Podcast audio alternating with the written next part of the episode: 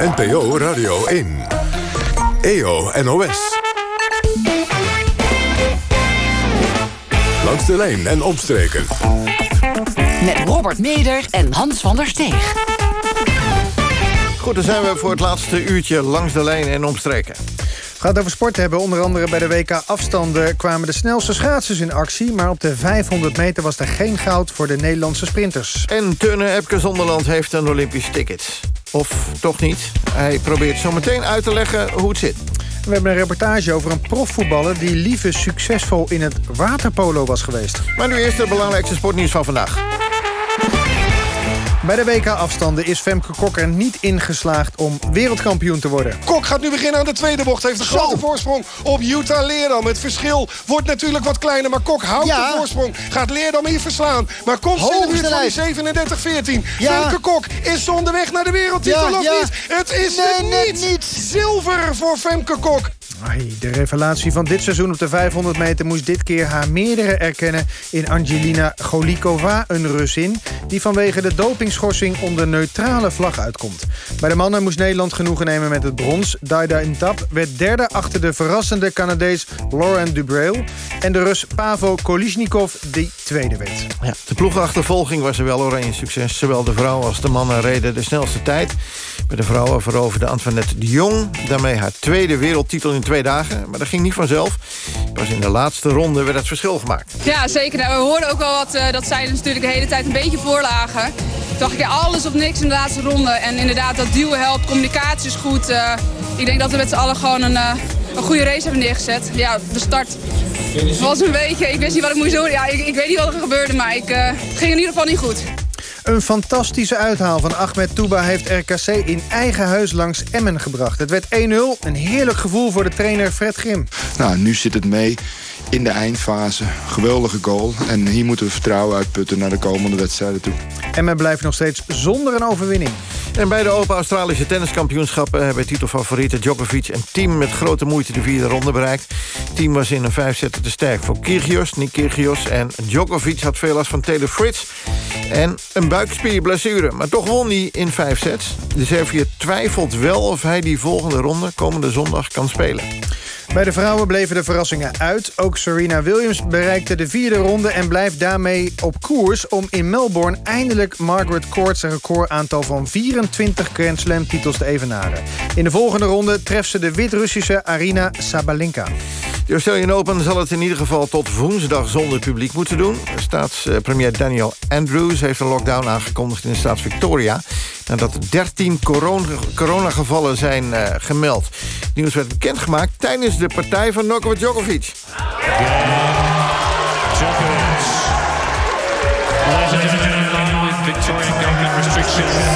Ladies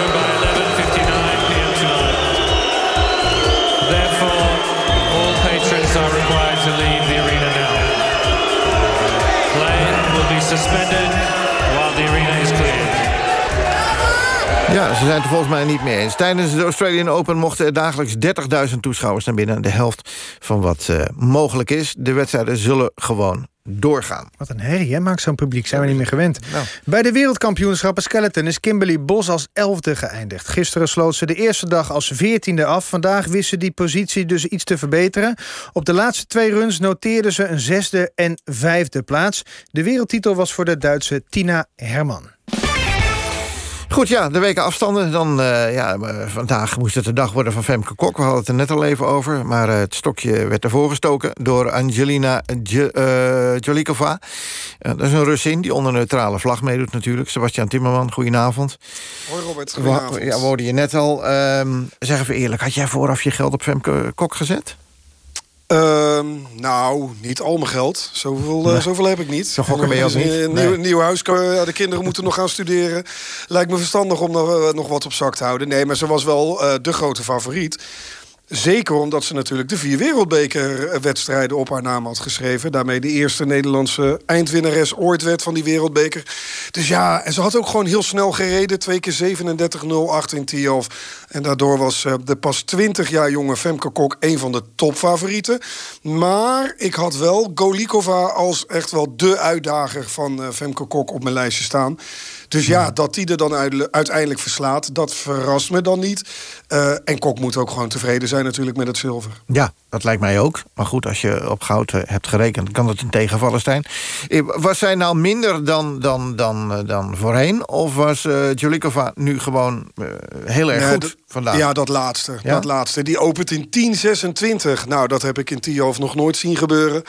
Uh, dat is volgens mij de snelste opening bij de vrouwen ooit in, uh, in Tialf. Echt ontzettend snel. Daardoor kwam ze heel kort achter haar tegenstandster, de Canadese Heather McLean, op de kruising afgereden. Dus ze had ook op die manier nog een hele lekkere gangmaker op de kruising. Ze maakte het vervolgens af met een uh, foutloze, vrijwel foutloze uh, tweede bocht, binnenbocht. En ze dendert dus naar 37-14. De vierde tijd ooit gereden in uh, Tialf. Ja, dan heeft Golikova gewoon een, uh, een superdag. Ja. En die was natuurlijk dus al, wat ik zei, vier keer tweede geworden... achter Kok in de wereldbekerwedstrijden. Dus dat ze dat kan, dat heeft ze al wel vaker bewezen. Ja, Kok had het zelf over de druk die ze zichzelf had opgelegd. Een WK voor haar is toch anders dan een wereldbekerwedstrijd. Op een of andere manier, ja, dan is dit toch wel de wedstrijd van het seizoen natuurlijk. Nee, maar dat is de wedstrijd van het ja, seizoen. Ja, daarom. Alleen, ik probeerde het hetzelfde te benaderen als de World Cups. Maar toch leg ik mezelf dan iets meer druk op. Ja, doet de winnares dat dan beter? Of is die gewoon meer ja, ervaren? Ja, nou, die had denk ik ook geluk dat ze de ritten voor mij zat.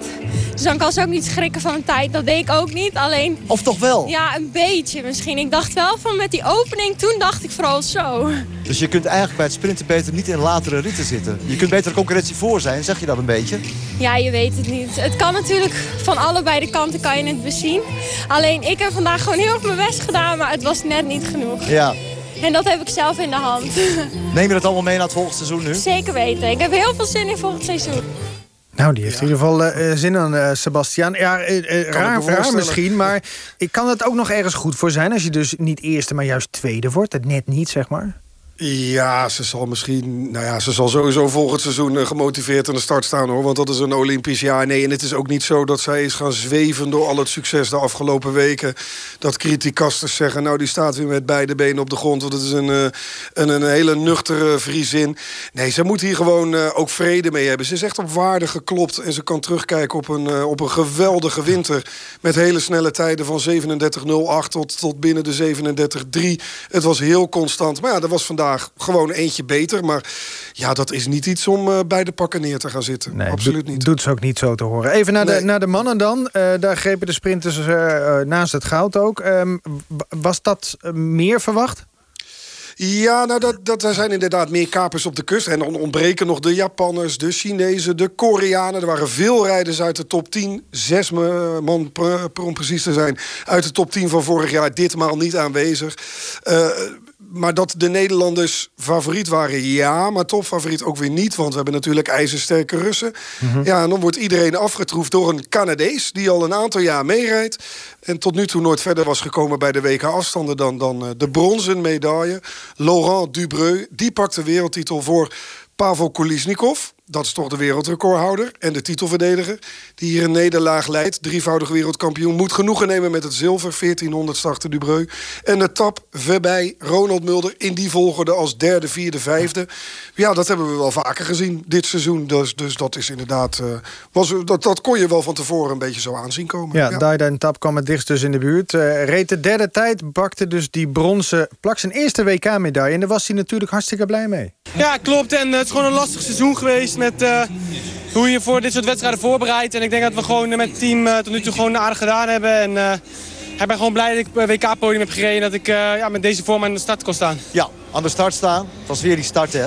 Ja, je begon er net al over, klopt. Klopt, de start was, liet ik nu gewoon, ja... Daar wint hij eigenlijk zijn race op. die jongen, die, de Brui, die pakt een goede draft. Omdat ik niet goed weg ben bij de start.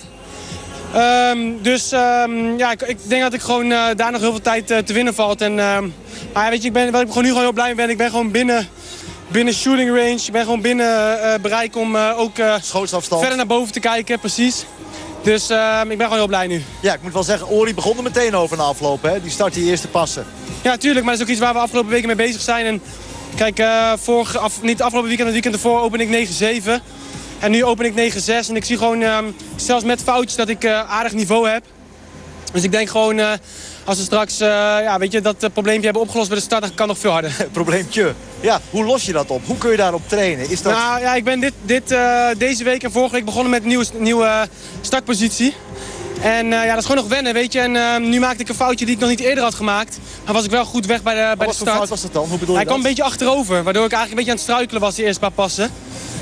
Maar weet je, ik gewoon blij zijn nu. Ik heb WK-medaille voor het eerst in mijn leven, dus eh, ik ga er wel even van genieten. Derde, brons. Eh, zat er meer in voor de Nederlandse mannen, Sebastian? Eh, ja, kijk, dat, dat kun je natuurlijk als je derde, vierde, vijfde wordt... kun je dat altijd zeggen, dat er meer in had gezeten. En Netap heeft dit seizoen wedstrijden gewonnen. Eindwinnaar geweest van de Wereldbeker. Ronald Mulder heeft een 500 meter internationaal gewonnen. Ja, die, die had het dan vandaag niet. Maar drie tiende achter de winnaar is ook niet extreem groot. Nee, de Nederlandse mannen, hè, ooit 1, 2, 3 in, eh, in Sochi. Daarna wat weggezakt. Sinds 2017 hadden ze geen medaille meer gewonnen. Nou, daar brengt uh, Dai Netap dan verandering in. We doen mee. We doen weer meer mee met de top dan uh, de afgelopen twee, drie seizoenen. Dus Ja. dat is een fijne constatering in het pre-Olympisch jaar. Laurent Dubrui die was gewoon, eh, die- die overtrof zichzelf, of niet? Nou ja, dat is een Canadees die wel heel graag naar Nederland komt, naar Tiaf komt... en dan vaak ook het spelletje speelt met het publiek. Nou, dat is er deze winter natuurlijk niet in Tiaf. Maar hij schaatst hier graag. Die bronzen medaille waarover ik al zei... behaalde hij ook bij de WK-afstanden... een eerdere WK in 2015, ook hier in Tiaf...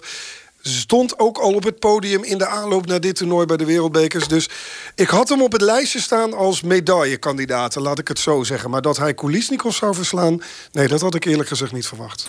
Twee wereldtitels op de, op de ploegenachtervolging voor, voor Nederland. Ehm, ja, maakt dat de dag nog goed? Dat lijkt me wel. Het zijn toch gewoon twee, twee titels, toch?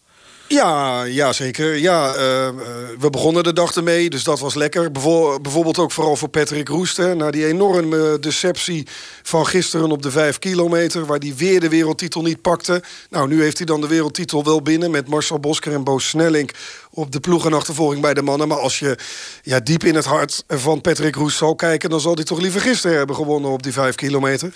Maar inderdaad, de titel is een titel. En bij die ploegenachtervolging mannen heeft Nederland nu... eh, voor de twaalfde keer in 13 edities gewonnen. Dus dat is gewoon ontzettend knap. En bij de vrouwen wel bij afwezigheid van Japan... maar wel in een hele sterke tijd. 2.55-79.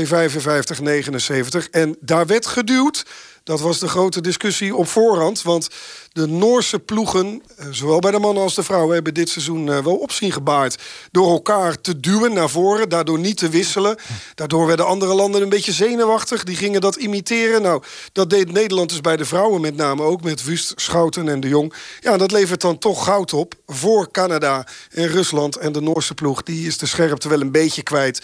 Bij zowel de mannen als de vrouwen eindigen zij op de vierde plaats. Nou, ook zonder Kramer kan het dus. Kunnen ze wereldkampioen Ja, worden, ja, blijkbaar. ja, ja. En met Irene Wust, want dat wil ik dan toch wel zeggen. Ja. Iedere keer als Nederland wereldkampioen wordt... als je de erelijst van Wust bekijkt op de ploeg en achtervolging... dat is wel indrukwekkend hoor. Of winnen, of tweede. That's it. Knap hoor. Ja. Nou, morgen weer een dag. Alweer één. En dan zondag de slotdag. Wat kunnen we morgen allemaal verwachten? Morgen gaan we weer een keer sprinten, maar dan op de 1000 meter, mannen en vrouwen. Gaan we dus Thomas Krol in actie zien. Gaan we Jutta Leerdam haar titel zien verdedigen op de 1000 meter. Heeft een moeilijke loting trouwens hoor, tegen Brittany Bow. En die Amerikaanse die dit seizoen de 1000 meter won in de wereldbeker... heeft de laatste binnenbocht. En we gaan eh, de massastart rijden, de mini-marathon zeg maar. Met bijvoorbeeld Irene Schouten en Jorrit Bergs. Maar ja, die zijn altijd favoriet. Goed, dankjewel eh, Sebastian. Zometeen gaan we Lasse Schöne horen, die gaat naar Heerenveen. En Epke Zonderland, gaat hij nou naar de Spelen? Of toch niet? They paved paradise and put up a fucking lie. With a pink hotel, a boutique, and a swinging hot spot. Don't it always seem to go that you don't know what you got till it's gone? They paved paradise and put up a fucking lie.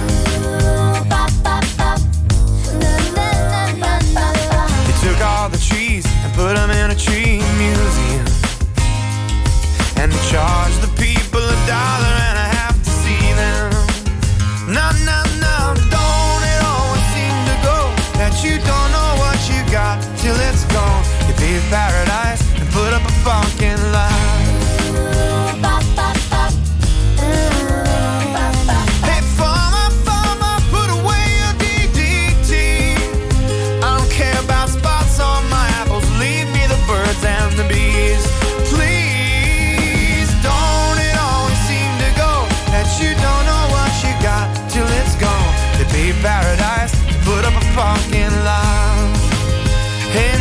pay paradise to put up a fucking lie.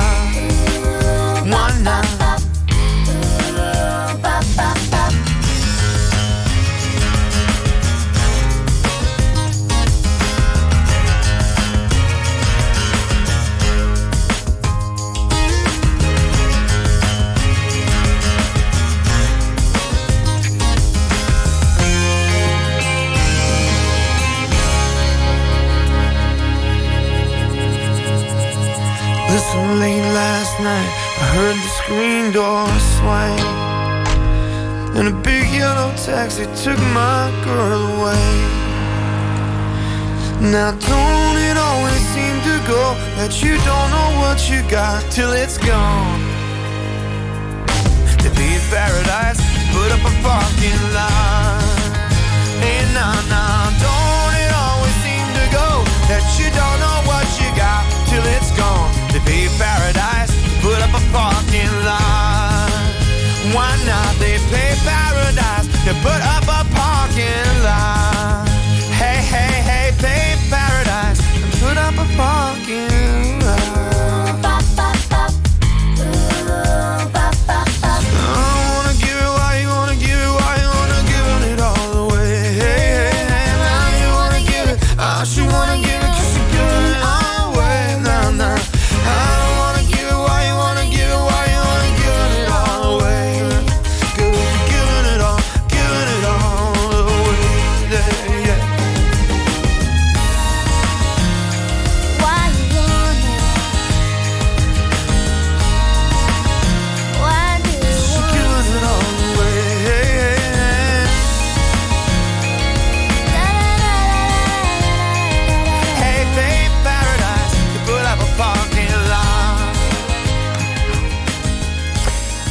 Big Yellow Taxi was dit van de Counting Crows en Vanessa Carlton. Goed, het is eh, bijna acht minuten voor half elf. Eh, de Turnbond KNGU die kwam vandaag met een persbericht... dat uh, Epke Zonderland zo goed als zeker is van deelname aan de Olympische Spelen. Internationale Turnbond had een lijst van deelnemers gepubliceerd... voor de wereldbekerwedstrijd turnen volgende maand in Doha. Daarop ontbreekt de naam van de Japanse rekstokspecialist Hidetaka Mirachi. Miyachi, moet ik zeggen. Eh, belangrijkste concurrent natuurlijk van, eh, van Zonderland. Maar die Japanner kan nog op een later tijdstip worden ingeschreven. Gebeurt dat niet, dan is Zonderland, Nederlander dus, winnaar van de World Cup serie... en daarmee dus zeker van de Olympische deelname. Epke, goedenavond. Ja, goedenavond. Ik dacht dat jij al zeker was van de Spelen. Ja, daar leek het heel erg op inderdaad. Want eh, ja, ongeveer een jaar geleden toen zou de laatste World Cup... eh, de laatste World Cups eigenlijk van start gaan. We zaten net in, eh, in de World Cup Baku en eh, een week later eh, zou Doha nog komen. En ehm, toen was bekend dat eh, ja, de, enige concurrent die we nog eh, mijn eh, ticket kon, eh, kon afpakken, dat die niet eh, daar naartoe zou gaan. En ehm, uiteindelijk bleven de World Cup en Doha over en die is met een jaar uitgesteld. Ja, en dan is de vraag van, ja, doet hij misschien dit jaar dan wel mee? Dus eh, vandaar dat het eh, toch vrij onzeker was eh, of ik inderdaad toch eh, recht had op dat ticket. Ja, nou is de inschrijftermijn geloof ik al, eh, al verstreken... maar hij kan zich alsnog inschrijven, maar dan moet hij wel een boete betalen. Waarom zou hij niet meedoen? Eh, ja, erg wel een goede vraag. Eh, dat, dat ook de reden waarom ik de sterke rekening hield dat hij er wel zou zijn. Maar wat belangrijke reden is denk ik dat Japan ehm, onlangs een extra allround ticket heeft bemachtigd. Omdat zij ook via de ehm, allround World Cups een ticket konden bemachtigen. En er is nog één ticket te, eh, eh, te behalen voor hun. En dat is dan, eh, ja, dat kan ook op een makkelijke manier via de Aziatische kampioenschappen. En dan hebben, hebben ze al zes te pakken. En deze zevende dan, van Miyachi, ja, die is dan eigenlijk overbodig. En het nadeel van dit ticket is dat hij dan op naam is. Dus dan mogen ze alleen Miyachi sturen. En die andere twee meerkamptickets, die zijn eh, vrij te besteden. Dus dan mogen ze op het ja, laatste moment, zeg maar, kunnen ze gewoon de beste twee nog aanwijzen. Ja, en dat is natuurlijk wel veiliger. Want stel je voor dat Miyachi eh, niet meer in vorm is of geblesseerd, ja, dan hebben ze geen andere keus. Ja. Dus, eh, dus dat, dat, dat kan erachter zitten. Dat we meer vrijheid hebben om te kiezen. Ik ben blij dat jij gestudeerd hebt, want ik begrijp er echt helemaal niks van. Ja, het is lastig, hè? Snap jij het ook? of niet? Ja. Nee, eh, als Epke het Nee. uitlegt, denk ik van... eh, zo, dit is hogere wiskunde, Epke. Maar de, de, de vraag die ik heb Ja. is eigenlijk van... Je, je, je bent toch min of meer nu een beetje... Ja, ben je een soort van afhankelijk nu van, van wat Miyachi gaat doen? Voel je dat zo? Ehm, wauw, ik, ik, ik, ik moet wel bekennen dat ik de kans vrij klein acht dat hij aanwezig is. Maar ja, ik ga wel natuurlijk eh, eh, zo eh, dusdanig trainen dat ik wel zo mee kan doen in die wedstrijd. Dus ik probeer wel in vorm te blijven. Maar ergens ben ik nu ook wel ja, meer mijn lat aan het verleggen richting de, de Spelen. En ja, zal de voorbereiding ook anders verlopen. Omdat eh, ja, deze World Cup past niet echt heel goed in mijn opbouw naar de, naar de zomer toe. Dus eh, ja, als hij eh, niet aanwezig is, zal ik ook niet, zal ik ook niet meedoen. Dus, dus ergens ben ik nog wel afhankelijk. Maar nou, ik acht die kans vrij klein dat, dat hij aanwezig zal zijn. Nee, Dus, maar, maar, maar de, de kans is wel groot dat, je, dat jullie elkaar dan op de Spelen weer tegenkomen. Als ik het verhaal van jou net hiervoor hoor, toch? Eh, ja, ik ben bang voor hem dat, dat die kans ook niet zo groot is, omdat de concurrentie eh, in Japan moordend is. Eh, dus zijn beste kans is een, is een plekje binnen de teammachtige. En hij heeft het afgelopen jaar ook keihard getraind op de andere toestellen dan Rekstok. Maar ja, die andere Japanners zijn waarschijnlijk overal nog gewoon beter. Ehm, ja, en dan inderdaad hem aanwijzen eh, voor uh, Rekstok alleen. Dan moet hij eh Uchi, eh, ja, Kohai Uchimura verslaan. Want die eh, is eh, ook van meerkamper nu gaan specialiseren op Rekstok. En die presteert het afgelopen jaar beter dan hem. Ehm, dus ja, ik hoop eh, eigenlijk dat ze beide aanwezig zullen zijn. Want ja, hoe, ik vind het eh, hoe meer concurrenten, hoe, hoe mooier de wedstrijd wordt. Maar ik ben bang dat het toch eh, ja, eh, kiezen wordt. En dat eh Miyachi zijn kans wel vrij klein eh, gaat worden. Ja. Ja. Dus, dus Miyachi is inmiddels niet meer jouw grootste concurrent? Nee, ja, zo kun je het ook zien. Eh, qua scores eh, is, eh is Ko- Koei Uchimura eh, ja, beter bezig. Maar die jongen heeft zoveel potentie. Dus ik durf nu niet te zeggen wie, als we beide meedoen in de, deze zomer, wie, de, wie, wie echt beter is. Maar ze zijn eh, heel erg aan elkaar gewaagd. Dus eh, ik, ja, ik, heb, eh, ik heb genoeg concurrentie, dat is wel duidelijk. Nou, nou, nou is de turnwereld, eh, heb ik begrepen, niet een hele grote wereld. De- de- je hebt vast een telefoonnummer. Heb je in de verleiding, oh, neem ik even aan nu... heb je in de verleiding gezeten om, om hem gewoon een appje te sturen... joh, zie ik je in Doha? Ja, nee, dat heb ik al gedaan. Ja. Ik heb wel contact gehad met hem. Ja, ik heb wel aangegeven dat ik inderdaad zag dat hij niet op de lijst stond. En eh, nou dat ik hem eh, eh, eh, hoop dat hij inderdaad alsnog op de Olympische Spelen zal staan. En daarmee antwoordde hij dat het inderdaad klopt. Dat hij niet naar, de- naar die World Cup mag. En dat het voor hem heel lastig wordt om er naartoe te gaan. Maar als hij me ziet op de Spelen, dan gaat hij winnen. dus dat, wel, eh, dat vond ik wel stoer. Wat een heerlijke bluff. Ja, dat Ja, is mooi. geniaal. Ja, ja, Ja. dat is mooi. Oké, dus je had uit het wereldje... Had je eigenlijk, is, is dit persbericht voor jou geen verrassing? Je had uit het wereldje zelf en via hem zelf al begrepen... dat hij dus niet ging. Dus, eh, Ja, wel, wel vrij recent hoor. Eh, ja, dus vandaag pas. Oh, vandaag pas. Oké, oké. Ja, ja, ja, ja, nee, ik wist het inderdaad. eh, De, het officiële bericht was, eh, was gisteren en dat hebben we nog wat verder uitgezocht. En eh, dus ja, vandaag pas ook nog van hem een, ja, soort van bevestiging. Nou, gefeliciteerd. Ja, bedankt. Je mag ja, naar de Spelen. Ja. Ja, ja, zo, ja, zo voelt het wel, moet ik zeggen. Ja, ik, natuurlijk, een slag op de arm houden is altijd verstandig. Maar eh, nee, het gevoel is wel dat het eh, ticket binnen is. Ja. Ja, dus eh, heerlijk. Ja, dat kan ik me iets bij voorstellen. Goed, ehm eh, Epke, heel veel succes op weg richting de Spelen. Wij gaan richting het nieuws van, van half elf trouwens. Nog even, Lasse Schöne? Ja, Lasse Schöne doen we eerst nog even. Hebben we het al verklapt. Hij begon namelijk hoor bij Herenveen, maar daar lukte het niet. Via de Graafschap en NEC naar Ajax om daar uit te groeien tot publiekslieveling... met een absoluut hoogtepunt in en tegen Real Madrid. Lasse Schöne trapt. Trapt erin! Lasse Schöne! Lasse Schöne met zijn specialiteit! Oh, wat een goal zeg! Wat een wereldgoal van Lasse Schöne vanuit hem erin! Goede tijden voor het Nederlands voetbal toen. Daarna ging Schöne naar Genua om nu terug te keren bij de club... waar het allemaal begon en waar hij eigenlijk nooit slaagde, Heerenveen. En daar heeft hij, ondanks het uitblijven van zijn debuut... hele mooie herinneringen aan. Nou, ik heb hier een mooie tijd gehad. Eh, ja, ik heb met Gedi ook gesproken. Eigenlijk de eerste drie jaar was eigenlijk was, was, was drie goede jaren. Veel geleerd en eh, dat was ook de reden dat ik naar Nederland ging in, in die tijd, om 16-jarige leeftijd, om, om, om beter te worden.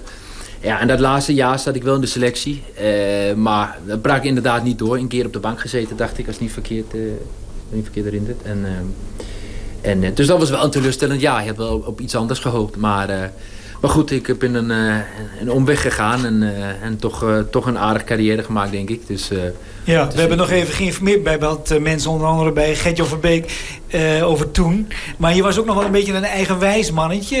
Je had lang haar, een staart. Ja, nou ja, dat is natuurlijk die verhaal. En die heb ik natuurlijk zo vaak eh, van gehoord. En eh, ja, nou ja, hier hadden ze natuurlijk wel een bepaald eh, idee. maar kijk, en mijn moeder is kapster. Dus, dus er werd wel op de gang gezegd van wanneer komt je moeder weer? Ja. Dus, eh, maar goed, laat het duidelijk zijn. Het is niet, eh, niet omdat ik lang haar dat ik hier niet heb doorgebroken. Dus dat is, dat is, dat is het nooit geweest. Maar ik, ik hoorde nog, dat vond ik ook mooi, Riemen van der Velde... Die, had, die vond het belangrijk dat je goed de sponsornaam kon lezen. En met die staat van jou, dat zat allemaal in de weg. Hij zei, die, die jongen moet naar de kapper. Ja, nee, goed. Ik, ik, mijn idee was, dat kan ik ook in de staart doen. Maar dat vonden ze ook niet zo. Dus, nee, weet je. ik denk niet dat... zo lang was het volgens mij dan ook net niet. Maar het, eh, nee, het, eh, laat het zo zijn. Dit is nooit de reden geweest dat ik, niet, eh, dat ik hier niet doorbrak. Dus nee. Maar zit er bij jou nog wel iets van... nou ja, toen lukte dat net niet en toen ben je dus naar de graafschap gegaan. Dat je nu zoiets hebt van... nou, ik laat het Friese publiek... Ik laat ze zien hoe ik gegroeid ben als voetballer. Zoiets. Ja, ja, dat zit er ook zeker in. Zoals zei, ik vier jaar gespeeld en nooit daar gespeeld. eh, in het Abelinse stadion. Dus eh, voor, Heerenveen. Dus dat... Ja, dat zit er wel in, ja. En eh, kijk, ik, zoals zei, ik heb natuurlijk... Mijn, mijn, mijn, mijn schoonouders wonen ook nog in, in Friesland. Ik heb mijn gastgezin waar ik drie jaar g- gewoond heb... heb ik ook regelmatig contact mee. Ga ik zo snel mogelijk weer op de koffie. En, dus dus dat, je hebt er wel heel veel binding nog steeds met... met met Friesland. Dus, eh, dus, eh, dus ja, dit, het- die, zoals je zei, die gevoelens die zitten wel. Je hebt natuurlijk ontzettend mee- veel meegemaakt als voetballer. Je bent gegroeid als voetballer. Misschien lastig hoor, maar kun je dat proces eens schetsen? Wat voor andere man hier nu zit? Nou, ik ben wat rimpelsrijker in ieder geval. Dat is, eh, maar je bent natuurlijk een stuk ouder geworden. En, maar ik, ik, ik denk dat, dat de meeste mensen wel kunnen zeggen dat ik zelf een mens ben. En dat, eh, dat vind ik eigenlijk het allerbelangrijkste. Eh, kijk, dat mensen me een goede voetballer vinden is een plusje. Maar als mensen me een goed mens vinden, vind ik veel belangrijker. En ik denk dat ik door de jaren heen niet, eh, niet anders, anders ben geworden dan ik toen was. En dat, dat is voor mij het belangrijkste. Dus ik kan iedereen goed in de ogen kijken hier. Wat is een goed mens? Nou, dat je, nee, nee, dat je goed bij jezelf, eh, dat je goed jezelf blijft. Dat denk ik dan vooral in, in deze wereld. En ook in de voetballerij is het ook altijd soms lastig. Maar dat ik in ieder geval dezelfde persoon ben. Dat, eh, dat ik was toen. En eh, zoals ik net zei, dat ik iedereen recht in de ogen kan kijken. Dat, is, eh, dat vind ik belangrijk. Lasse Schöne terug bij Heerenveen. En in gesprek was hij met Martin Vriesema. NPO Radio 1. Iets over half elf het Journaal. Michel Koenen. De Amerikaanse president Biden laat onderzoeken of de omstreden gevangenis in Guantanamo Bay kan worden gesloten. Dat zou voor het einde van zijn ambtstermijn in 2024 gelukt moeten zijn, zegt het Witte Huis. Obama, de vorige democratische president, wilde dat ook al, maar werd tegengewerkt door het Amerikaanse congres. Ook de Palestijnse autoriteiten zijn begonnen met vaccineren. Sinds vorige week zijn er op de westelijke Jordaan-oever ruim 2000 coronavaccins gezet, zegt de WHO. Het contrast met Israël is groot. Daar is al ruim 40% van de bevolking ingeënt. Vandaag is het Chinees nieuwjaar begonnen. De festiviteiten die duren normaal gesproken twee weken. Van nieuwjaar tot het begin van het Lantaarnfestival. Het feest betekent doorgaans ook een volksverhuizing in China. Maar door de coronamaatregelen wereldwijd zal het dit jaar veel rustiger verlopen. En een ijsclub uit Katwijk heeft met een trekker het ijs op de eigen baan vernield... omdat het de afgelopen dagen te druk was. De baan was gesloten vanwege de coronamaatregelen... maar mensen maakten er toch gebruik van. En de gemeente had de ijsclub verzocht tot actie over te gaan. Langs de lijn en omstreken. Ultieme maatregel, als ik dat zo hoor. Met de trekker eroverheen rijden om te zorgen dat niemand meer komt. Ze konden het terrein niet afsluiten, dus eh, ze dachten... Ja, er, moet iets, er moet iets gebeuren. Ja, nou, dat is, hebben ze dus blijkbaar ook gedaan. Dankjewel, eh Michel. Het kabinet komt eh, alsnog met een gebaar voor de 15 Chinese zeelieden... die in 1942 tijdens een staking op Curaçao werden doodgeschoten... door de Nederlandse militaire politie. Volgens Den Haag een vervelende samenloop van omstandigheden. Volgens Curaçao moord met voorbedachte raden... op 15 onschuldige Chinese arbeiders. nombre de Fundación Umbombini na comemoración de matanza cruel lugar na Corsol. Tijdens de Tweede Wereldoorlog deden Chinese arbeiders uit Rotterdam als stokerdienst op de olietankers van de Curaçaose Scheepvaartmaatschappij, dochter van de Shell. Een gevaarlijke klus, want de Duitsers namen transportschepen regelmatig onder vuur. In april 1942 gingen de arbeiders in staking tegen de erbarmelijke omstandigheden waaronder zij moesten werken. Toen de staking grimmige vormen begon aan te nemen, schoten politie en bewakers van de Shell 15 Chinezen dood. Het doel is in wezen eenvoudig. Dat de Curaçaose bevolking achter de ware geschiedenis tracht te komen. Want tot nu toe is de geschiedenis gekleurd geweest. Nizar Makdoembaks, voorzitter van de stichting Eerherstel Oorlogsslachtoffers Curaçao... pleit al jaren voor een eerherstel van de groep doodgeschoten Chinezen. Het gebaar dat Nederland nu wil geven is aardig... maar de officiële lezing van Nederland op de gebeurtenissen is niet veranderd. Zegt Makdoembaks over de telefoon. De handreiking neem ik, accepteer ik wel. Dus dit vind ik al een goede stap. Maar we zijn er nog niet. Nee, nee, want kijk, je moet erkennen dat je mensenrechten hebt geschonden. Hè? Misdrijf tegen de menselijkheid.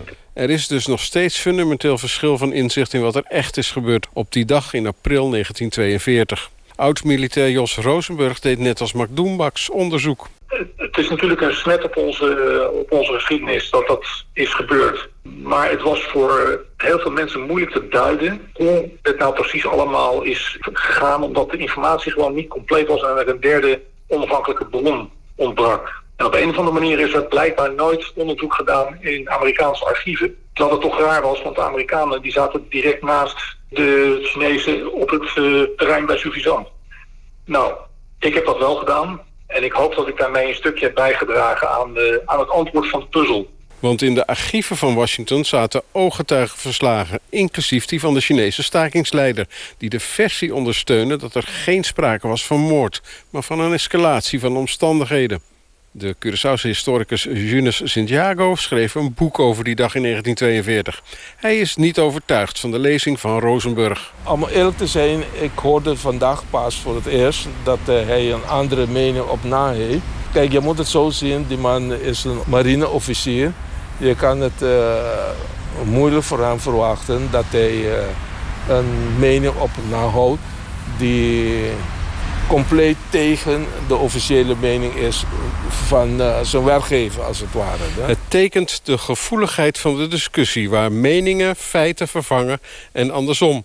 En waarbij de boodschapper net zo belangrijk is als de boodschap. Ja, ik, be ik betwijfel echt uh, dat hij in Amerika het een en ander heeft uh, kunnen vinden uh, die waterdicht is. Hè? Hoe het ook zij, alle drie, Rosenburg, Santiago en McDoembaks... pakken de handreiking van Nederland met overtuiging op. McDoembaks hoopt dat de herdenking van 20 april nu ook serieus wordt. Een wens die hij bij de herdenking een aantal jaar geleden al eens uitsprak. Maar ik kan me voorstellen, het ligt nog gevoelig. Den Haag moet het signaal geven. Buitenlandzaken en koninkrijksrelatie. Maar ik zie ze graag bij de herdenking. Wie weet volgend jaar.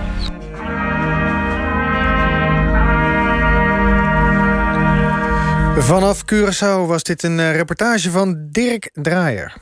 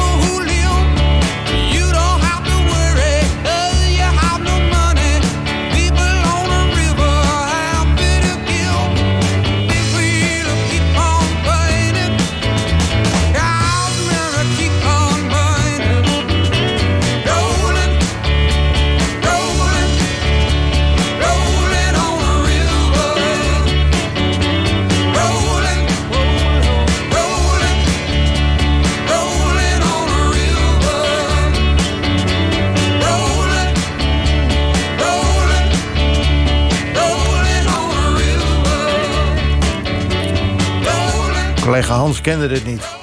Creedence Clearwater Revival. Oh, oh, oh, dat is echt een generatiekloof. Lekker nummer, man, dit. Ja, toch? Ja. Vind ik ook wel.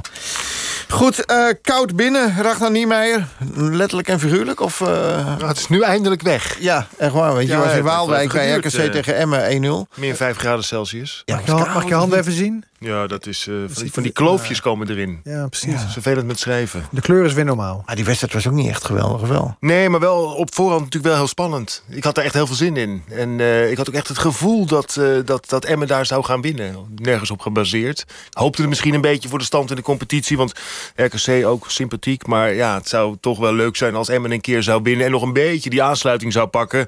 Hele grote kans. Misschien hebben we het er zo wel even over met Dick Lukien. Ja. Voor de Leeuw. Zeker. Maar moet je hem wel maken. Ja, ja, ja, het was een typische 0-0 eigenlijk. eh, die dan nou, toch... dit was wel erg zuur. Ja. Dit past dan ook wel in het verhaal, 90ste minuut. Ja. ja, ja, 22 wedstrijden zonder overwinning. Eh, luister even naar de Emmen-coach Dick Lukien. Ja, dit past perfect in het beeld van ons seizoen. Eh, en ook exemplarisch hoe de goal valt. Hè? Want uh, Toeba was al op weg naar achteren. En wij, in plaats van dat we volle bak naar voren gaan met z'n drieën... doen we dat half bakken, waardoor Toeba blijft hangen. En uh, ja, die bal komt voor zijn voeten en dan schiet hem uh, magnifiek binnen. Toch ondanks het feit dat zij in de eerste helft beter waren... moet je in de tweede helft hebben gevoeld van... nou, het zou wel eens een keertje kunnen. Ja, nou ja, precies wat je zegt. In de pauze uh, ben ik uit mijn slof geschoten en heb gezegd van dat ik het uh, veel te matig vond. Met veel te weinig uh, inzet, met veel te weinig tempo. Om echt te laten zien wat we willen. Uh, dat was na de pauze beter, met name het eerste gedeelte. Ja, en daar moet de Leeuw wel een goal maken. En dan kan het anders lopen. En uh, dat gaf mij het gevoel dat het erin zat. Maar ik vind ook dat we veel te weinig kansen bij elkaar hebben gespeeld. En dan zakt het aan het eind toch weer weg, hè? Ja, precies. En, en dat heeft te maken met uh, waarschijnlijk de echte overtuiging. Uh, het in de hoek zitten waar we nu zitten met z'n allen. Ja, en daar hebben we dan uh, ons min of meer bij neergelegd. En dat wil ik en dat mag ik niet accepteren als trainer. Want wij moeten alles geven wat we hebben 90 minuten lang. Maar dat is een constatering die je eigenlijk niet mag trekken. Hè? Nee. Van, dat je je erbij neerlegt of dat je het team dat doet. Nou ja, zo lijkt het dan. Hè? Kijk, uh, aan het eind willen we van bank gaan spelen. Maar ja, behouden ze de kans van de leeuw. Kort na de pauze hebben we eigenlijk niks gecreëerd. En, en mis ik daar een beetje de slimheid. Ja, weet je, dat... dat Hoe kun je dat nog veranderen? Wat zeg je? Hoe kun je dat nog veranderen? Nou ja, door te blijven doen. Door, door te herkennen wat situaties vragen. En als je aan het eind met bakken voorin gaat spelen... Ja, dan moet je niet meer opbouwen. Dan moet je dat ding zo snel mogelijk naar voren schieten. Ja, daar, uh, daar maken wij nog wel eens verkeerde keuzes. En met trainer Dick Lukien, ja, miste overtuiging. We hebben ons erbij neergelegd. Wat, wat moet je daarna nog ja, zeggen, Ragnar? je moet, er je moet concluderen dat, uh, dat de kwaliteit er niet is. Als je één kans, anderhalve kans bij elkaar voetbalt... en je tegenstander heeft er tien... en dat is RKC, de nummer 15 van de Eredivisie... Ja, dan heb je eigenlijk niet zoveel te zoeken in de Eredivisie. Dat is uh, ja, pijnlijk, maar waar. Hè? Heel veel nieuwe spelers, die brengen het dan ook niet. Uh, ja, het is niet, niet goed genoeg. En dat wordt wel een heel ingewikkeld verhaal. Einde M in de Eredivisie, zeg je? Ja, goed, dat... dat nee, ja, daar ben ik juist niet zo van. Weet je wel, van oh. dat afschrijven van tevoren al... zolang het echt nog wel kan. Maar dit zijn dan wel wedstrijden waarin het een keer moet gebeuren. Als het dan weer niet lukt, en ook de manier waarop is natuurlijk een tik... wordt het wel erg ingewikkeld. Wedstrijden zijn, uh, nou ja, met uitzondering van vanavond... Uh, uh, nou, die was ook trouwens, hè? Zeker. Morgen om 12 uur begint het spektakel al. Ja, wordt een beetje kolderiek eigenlijk, toch? Of niet? Ja, 12 uur, kwart over twee, half vijf, kwart voor zeven... kwart voor elf. Nou ja, nee. Voor mij hoeft het allemaal niet, maar... Nee, maar, maar goed. Er scheelt drie graden. Ja, nou ja, dat is toch heel wat uh, op zo'n nou, temperatuur. Ik geloof dat bij min 20 er een keer gekeken wordt of het echt niet meer kan voor die spelers. Publiek is het toch niet, vind het een beetje gedoe. Tot die tijd, oké, okay, nou gaan we snel voorbij. Morgen uh, 12 uur uh, Groningen, uh, Pek Zwolle. Ja. Um, daar was op de training even een opstootje. Pat kreeg het aan de stok met Da Cruz, trainer Danny Buis. Nou, die vond het allemaal niet zo erg. Ik heb zelf, al, zelf als speler in deze situaties gezeten. Ik heb het ook vaker meegemaakt bij teamgenoten toen ik nog speelde. En in de afgelopen jaren dat ik nu trainer ben bij mijn tweede club... Hè, eerst bij Kozakkenboys en nu Groningen... maak je dit gewoon een paar keer op jaarbasis mee. Dat wel eens twee spelers even in de emotie komen... en een woordenwisseling krijgen. Of soms zelfs wat duw- en trekwerk. En uh, ja, dat heb je wel eens. Nou, ze moesten even uit elkaar gehaald worden. Ja, dat gebeurt wel vaker. En dan lijkt het heel heftig, maar over het algemeen valt het mee. En ja, dan ga je naar binnen op een gegeven moment met z'n allen. En dan ga je met elkaar het gesprek aan. En dan uh, kijk je of het opgelost wordt. En dat is in deze het geval. Ja, als je hetzelfde shirtje aan hebt, dan hoef je nog niet per se vrienden te zijn, hè, Ragnar? Oh nee, weer. maar vergis je niet. Hè. Er zijn natuurlijk heel veel teams waar heel veel spelers geen vrienden van elkaar zijn. Dat hoeft ook helemaal niet. En hij heeft het zelf ook meegemaakt, heeft hij zelf gezegd. Eh, en voor de rest is het toch wel een beetje saai bij Groningen toch ook. Behalve die Strand Larsen zijn er eigenlijk weinig spelers die opvallen. Je hoort eigenlijk niks uit Groningen. Je hoort niks van Robben. Ja, laatst hebben we laten horen dat hij waarschijnlijk eh, wel een keer toch gaat afhaken. Dus eh, nee, ja, de beuk erin. Zesde plek, prima toch? Goed Ja, seizoen eh, absoluut. vooralsnog. Voor PSV valt het allemaal een beetje tegen. Zeven verliespunten meer dan Ajax en uitgeschakeld in de beker. eh, door diezelfde club trouwens. Ajax ontsnapte in dat duel wel aan een rode kaart... een harde charge van eh, Nico Tagliafico. De VAR greep niet in en daar heeft PSV-trainer Roger Smit wel een mening over. It was a test two years, and now we have to say so many wrong decisions all over the world. Cancel the VAR. So that's my my conclusion of this test for two years.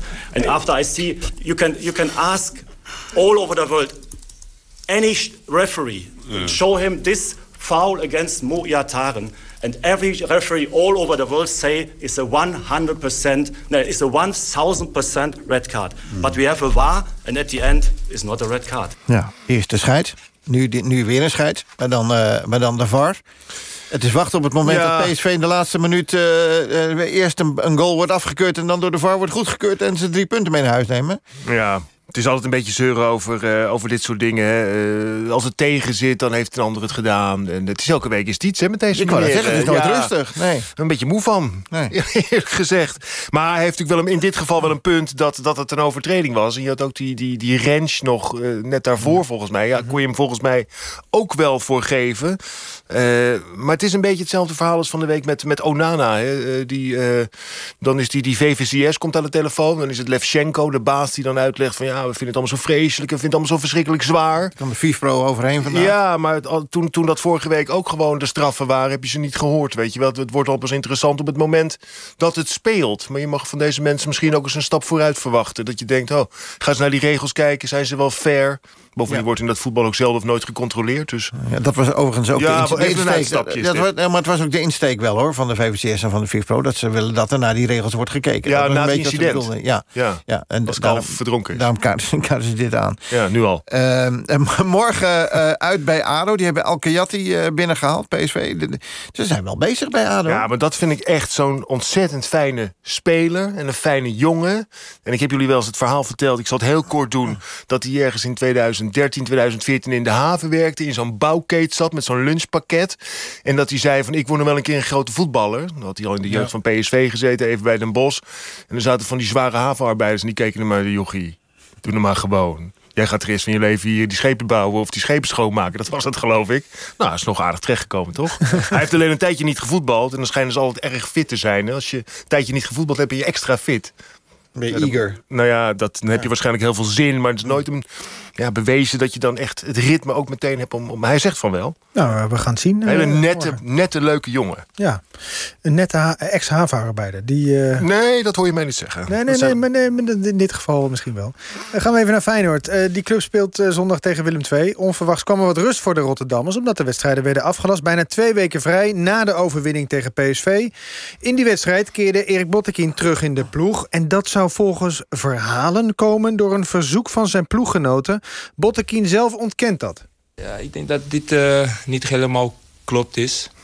Eh, je weet eh, hoe onze trainer is. Hij is de baas en hij bepaalt. Komt niet van de, van de, van, van de spelers. En hij, hij, hij maakt de kills.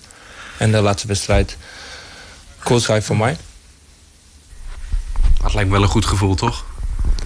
Eh, ja, als je speelt natuurlijk. eh, eh, vooral in, in zo'n mooie wedstrijd als tegen PSV in topper. En eh, natuurlijk ben ik blij dat ik heb gespeeld. En natuurlijk heel blij dat wij hebben deze topper eh, gewonnen. Ja, Bottekin op de plek van Spajic. Ja, die zal blij zijn dan als het van de spelers komt. Die voelt zich dan uit, eh, uit de emmer gekikt. Ja, nou ja, het enige is dat, die- dat die Spajic wel de naam heeft een beetje. Dat was in België zo, dat was in eh, Turkije ook zo. Want hij wordt gehuurd van Krasnodar. Dat hij altijd heel goed begint, goed begint... en dan vaak een beetje minder wordt. Dus misschien heeft Dick Advocaat dat ook wel eh, geconcludeerd. Dat zou natuurlijk kunnen. Ja. ja, of, dat hier, of die verhalen echt kloppen, daar krijg je natuurlijk moeilijk een vinger achter. Maar... Ja. Goed, um, even gauw kijken naar de eerste divisie. Daar heeft NAC met 2-1 uh, gewonnen van Eindhoven. Jong AZ klopte Jong Utrecht met 3-2. Morgen komt MVV in actie bij uh, de Graafschap. De ploeg uit uh, Maastricht heeft een slecht seizoen. De ploeg staat zeventiende. Toch is het voor Mike Haverkotten wel een mooi jaar. Voor het eerst in zijn loopbaan is de keeper uit Beeldhoven eerste reserve... bij onder meer FC Utrecht, ADO en Excelsior. Nu eerste doelman in, en nu dus eerste doelman in de, in de betaalde voetbal. Voor veel jongetjes mag dat een droom zijn van Mike Haverkotten. God dat niet. Hij wilde niets liever dan als waterpolo naar de Olympische Spelen. Net als zijn vader Robert in 1992 in Barcelona. Toch werd hij profvoetballer. Declaro abiertos los Juegos Olímpicos de Barcelona que celebran la vigésimo quinta Olimpiada de la era moderna. Het meeste wat me nog bij staat is de opening. Dat vond ik echt heel apart om daar dat, uh, dat, dat veld op te komen lopen... en op die vlam die aangestoken wordt en echt gaan beginnen. Dat vond ik echt gaaf. Uh, ja, en alle dingen eromheen. Het, het poloen zelf, dat blijft gewoon 7 tegen 7 in een bak... met twee scheidsrechters uh, in een wat grotere omgeving. Dus die wedstrijden, daar weet ik eerlijk gezegd niet zo heel veel meer van. Maar de indrukken die het gemaakt heeft, het Olympisch dorp... uiteindelijk gaat het over presteren... Maar je mag best wel een beetje om je heen kijken daar. Als klein jongen ging ik mee naar het zwembad en zag ik mijn vader als, uh, als voorbeeld, als idool. En als ik zie wanneer hij, uh, ja, s'avonds of in het weekend... Uh, wanneer we met z'n allen gezellig op de bank zitten bij de open haard... nog wel eens vertelt over de, over de Spelen of hoe dat was... of over het Olympisch dorp. Ja, dat was toen mijn sport. Daar wilde ik groot in worden. En dan is ja, de Olympische Spelen behalen is het, uh, is het hoogst haalbare. Het zou een mooi vader op zo'n uh, verhaal zijn, zeker. Uh, het gebeurt af en toe hè, dat zowel vader als zoon op de Spelen komt. We hebben nog even gehoopt als hij heel snel door zou breken als voetballer... dat het misschien ook met Oranje kon naar de Spelen. Dat zit er niet in, dus dat gaat er niet meer lukken. Maar uh, voor mij is de opvolging geslaagd als hij net zoveel plezier in sport heeft als ik heb gehad en nog steeds heb. Nu schuiven de troepen ook wat op en is die voorzet nog riskant voor Haverkotten. Als hij wordt uh, aangeraakt, moet hij nog alle zeilen bijzetten. Kan Tafsan het ook? Zeker weten. En Haverkotten ranselt die bal uit het doel. Ja, tegenhouden, dus even wennen. Uh, van voetballer, uh, waar hij ook in de spits stond... maar echt niet zo goed was als dat hij kon poloen. Ik, uh, ja, ik waterpolode vijf, zes, zeven keer in de week. En daarnaast voetbalde ik twee keer. En dat deed ik eigenlijk meer om, omdat ik een druk jongetje was... wat, wat niet stil kon zitten. Dus ik ging er nog wat bij zoeken. Tijdens een wedstrijd wat gedoe met zijn keeper. Dus hij is gaan keepen. ging in het doel staan als ik denk dat hij negen of tien jaar was... Ja, uh, en één ding kon hij natuurlijk, dat was vangen. En ja, uiteindelijk, uh, puntje bepaaltje, kreeg ik een, uh, een brief van FC Utrecht thuis op de mat. Of ik, ja, of ik daar een keertje op, op stage wilde komen. Ja, geen idee wat, wat dat toen inhield, want ik was volgens mij 11, 11 of 12 jaar. En ik was daar helemaal niet mee bezig. En het enige waar ik, waar ik mee bezig was, was om de Olympische Spelen te halen qua waterpolo. En helemaal niet, niet gedacht aan voetbal ja, aan de voetbalkant. Snel door naar waterpolo. Hier is Jos van Kuijeren. Ja, want uh, de wedstrijd ontwikkelt zich toch zoals ik uh, dacht. Nederland gaat steeds beter spelen en heeft de Hongaren steeds beter in de tang. Van der Meer, de jonge 18-jarige man uit Renen, die uh, trof de paal. En toen was het Havenkotten die met een onnavolgbare beweging een 9-9 maakte. En vlak voor tijd, nadat Van der Bunt een strafworp had... Ik vind het de mooiste sport die er is. omdat het de enige sport is waar je eigenlijk drie dimensies hebt. Je hebt onder water, boven water en naar links en rechts. Daarnaast is het een, het is een fysieke sport. Uh, geen gemene sport, maar wel een behoorlijk harde sport. En het is een sport waarbij je uh, zonder team eigenlijk kansloos bent. Eerst een paar jaar nog, uh, nog gecombineerd... totdat Robin Pronk, oud-trainer bij FC Utrecht, zei van... Mike, nu ben jij, ja, ga je richting het, het mannenvoetbal, 15, 15, 16 jaar. je moet toch echt een keuze gaan maken ja, toen heb ik uiteindelijk de keuze gemaakt om, uh, om voor het voetbal te kiezen. Omdat daar de uitdaging veel groter is om, uh, om in ieder geval de top te bereiken dan, uh, dan als Nederlandse waterpoloer. Ik heb een, denk ik een half jaar geleden een, ja, een appartement gekocht in, in Utrechtstad. Ja, dat ben ik langzamerhand een beetje aan het aankleden en kijken van wat is nou leuk om, om op te hangen of, of in huis te nemen. die ben ik tegengekomen van het zwembad in, uh, in Barcelona op de Montjuïc. Dat is uh, de berg. En dat zwembad die had een ontzettend hoge tribune. En die keek dan, vervolgens keek die uit over, uh, over heel de stad. ja, dat vind ik, eh, vind ik een mooi verhaal. Zeker met, het, met de keuze die ik heb moeten maken tussen waterpolo en voetbal. Die gaat een mooi plekje krijgen boven, boven de bank. Wel even toestemming moeten vragen aan mijn vriendin. Maar met het verhaal daarachter eh, stond zij er ook helemaal achter om, eh, ja, om die, eh, die een mooie plek in huis te geven. En Kalon. Eén keer gaat het even mis bij MVV. En dan ligt er dus ruimte voor Cambuur. En dan is het ook gelijk gevaarlijk met Muren. Dat is een goede redding van Havenkotten. Mike is gezond, vrolijk, eh, staat goed in het leven. eh, doet wat hij leuk vindt. We kijken met heel veel plezier en vertrouwen naar de toekomst met hem. Ja, wat een mooi en goed verhaal. Uh, Ragnar papa Robert Havenkotten over zijn zoon Mike. Ze coachen samen trouwens ook nog, is ook mooi... het, het eerste damesteam eh, van Waterpolo Club Brandenburg uit Beeldhoven. Goed weekend. Hetzelfde. All the best. Best wel gek dat ze met z'n tweeën zo'n team doen. Ja, mooi De toch? laatste man. Ja, het laatste woord in deze uitzending is uiteraard aan onze laatste man Diederik Smit.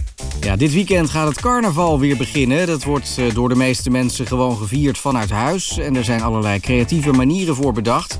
Eh, maar dat komt allemaal wel goed. Veel moeilijker wordt het natuurlijk voor mensen die een hekel hebben aan carnaval. Want die moeten nu ineens vanuit huis laten merken dat ze een hekel hebben aan carnaval. Dat is natuurlijk lastig. Eh, op de site van de Rijksoverheid staan een paar tips over hoe je... eh, ondanks alle coronamaatregelen toch op een veilige manier kunt laten merken dat je een hekel hebt aan carnaval. Een van de tips is om eh, mensen te bellen via een beeldverbinding en dan dingen te zeggen als... ja, sorry, dat carnaval, ik heb daar dus helemaal niks mee. Een andere optie is om in je eentje in de tuin te gaan staan in de buitenlucht... en dan tegen de schutting dingen te zeggen als... wat ik dus niet begrijp, is eh, wat er leuk is aan carnaval. Ik bedoel, waarom zou je... en op die manier kunnen mensen toch op een veilige manier genieten... van hun afkeer van deze volkstraditie... en hebben we toch nog iets van randstedelijk snobisme in deze barre tijden. Goed, morgenmiddag meer eh, sport, het schaatsen, het voetballen... en morgenavond ook weer een langs de lijn tot 11 uur. Wat mij betreft tot morgen. Zometeen het oog. Met Simone Wijmans. Fijne avond. Fijn weekend. NPO Radio 1. Luisteraars, ahoy. Dokter Kelder en Co. Nederland gaat op slot. Aanstaande zaterdag in Dokter Kelder en Co. Een uurtje verbaal ravotten met Rutte. Alle deskundigen waarschuwen voor een derde golf. Over een zonderling jaar. Zijn grote en minder grootse momenten. Oh, sorry, dat mag niet meer. Sorry, sorry. Nee, nee, oh, oh, over, over, over. En onze gedeelde gekte voor politici van nu en toen. Zo bezien keert de wereld van voor de oliecrisis niet terug. Op NPO Radio 1. Minister-president Mark Rutte in Dokter Kelder en Co. Eerst moeten we ons nog een keer schrap zetten. Dus, premiertje plagen. Morgenmiddag van 1 tot 2.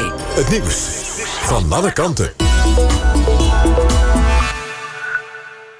Wil jij je weerstand verhogen? Gebruik Avogel Eginafors met Echinacea en stimuleer je immuunsysteem. Zo blijf je fit en kun je door met wat belangrijk is voor jou. Ook verkrijgbaar Eginafors plus vitamine C. Zorg goed voor je weerstand. Avogel helpt. Gezondheidsclaim in afwachting van Europese toelating.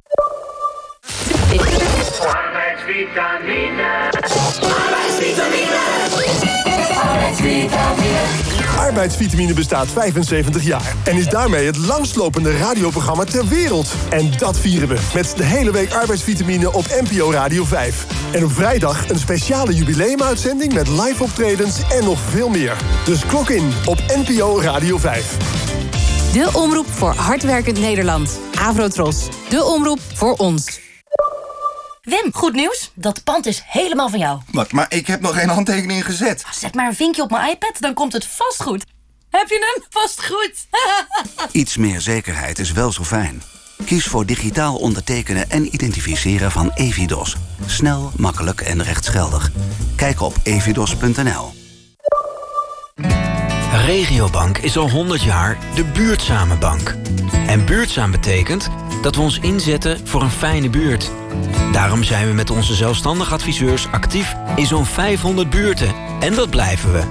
Wilt u meer weten over buurtzaam bankieren? Kijk op regiobank.nl voor een zelfstandig adviseur bij u in de buurt. Regiobank, de buurtzame bank. Welk boek wordt managementboek van het jaar 2021? De longlist is bekend. Het aftellen is begonnen. Kijk voor de kanshebbers op managementboek.nl slash longlist. NPO Radio 1. 11 uur zit van der Linde met het NOS-journaal. Het kabinet hoopt dat ook de middelbare scholen snel weer open kunnen. Een concrete datum kan premier Rutte nog niet geven... maar de scholen staan volgens hem bovenaan de prioriteitenlijst. Over ruim een week bespreekt het kabinet wat er na 2 maart moet gebeuren... als vooralsnog de lockdown afloopt. Dat gebeurt op basis van adviezen van het OMT. Ook de avondklok wordt dan besproken. Scholierenorganisatie LAX is ontevreden met het besluit van demissionair minister Slop over de eindexamens. Leerlingen mogen dit jaar één vak wegstrepen. Als ze op het examen voor een vak een onvoldoende halen, dan hoeven ze die dus niet mee te tellen. Geldt niet voor de vakken Nederlands, Engels en wiskunde. Volgens het LAX komt Slop de scholieren te weinig tegemoet. De scholierenorganisatie vindt de maatregelen niet ver genoeg gaan. Veel scholieren zouden willen dat de eindexamens net als vorig jaar worden afgeschaft. Het Europees Geneesmiddelenbureau EMA wil aangepaste coronavaccins sneller beoordelen. Zo moeten de vaccins die beter beschermen tegen bijvoorbeeld de Zuid-Afrikaanse variant sneller beschikbaar komen op de Europese markt. Het zou niet nodig zijn om de aangepaste vaccins langdurig en op grote schaal te testen.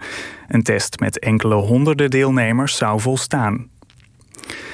De Chinese overheid heeft geweigerd om de Wereldgezondheidsdienst WHO ruwe data te geven over de eerste coronabesmettingen in het land. Dat schrijft de Wall Street Journal op basis van onderzoekers van de WHO. De data zou kunnen helpen om te bepalen hoe en wanneer het virus zich in een vroeg stadium verspreidde in China. De Nederlandse viroloog Koopmans van de WHO wil daarnaast uitzoeken of er voor december 2019 al kleinere corona-uitbraken in China waren. Dat wil ze doen door Chinese bloedbanken te onderzoeken. Tegen Joran van der Sloot is in Peru 18 jaar en 4 maanden cel geëist voor drugsmokkel. Hij zou samen met anderen hebben geprobeerd om cocaïne en marihuana de gevangenis binnen te smokkelen. De drugs werden bij een controle ontdekt in rode bieten die zijn vriendin bij zich had. Ook tegen haar is 18 jaar cel geëist, net als tegen drie medegevangenen. Van der Sloot zit in Peru al een celstraf van 28 jaar uit voor de moord op Stephanie Flores. Vandaag is het Chinees nieuwjaar begonnen. Voor veel Chinezen het feest van het jaar. De festiviteiten duren normaal gesproken twee weken, van nieuwjaar tot het begin van het Lantaarnfestival, dat dit jaar valt op 26 februari. Het feest betekent doorgaans een hele volksverhuizing in China, maar door coronamaatregelen wereldwijd zal het feest op veel plaatsen in afgeslankte vorm moeten worden gevierd. Het weer nog. Vannacht gaat het 7 tot 15 graden vriezen. Morgen veel zon, maar overdag iets minder koud. S'nachts gaat het weer streng vriezen. Op zondag mogelijk in het zuiden een paar graden boven nul. Dit was het NOS Journaal. Manila. Man, man, Manila. Dit is Aisha. Ze heeft een hersenbeschadiging. Leren lopen en praten is voor haar een lastige taak, maar ze geeft nooit op. Help kinderen als Aisha naar school. Doneer nu op lilianefonds.nl en ontvang Aisha's hele verhaal als gouden boekje. Je komt steeds meer Lotto-winnaars tegen. Want Lotto heeft de vaakst vallende jackpot in Nederland. En die staat deze week op 4,6 miljoen euro. Dus speel mee. En wie weet ben jij de volgende Lotto-miljonair. Lotto, spel van Nederlandse Loterij. Speel bewust 18+. Plus. Weet je waar je 5 minuten vakantie van krijgt? Een kansieappel. Mmm, die zijn lekker. Maakt u zich op dit moment zorgen over de schoolresultaten van uw zoon of dochter? Is er leerachterstand of vallen cijfers tegen? Weet dan dat Luzak uw kind snel weer op weg kan helpen. Met ons maatwerk en onze kleine klassen zorgen wij voor mooie resultaten. Uw kind is het hele jaar door welkom. Kijk maar op luzak.nl.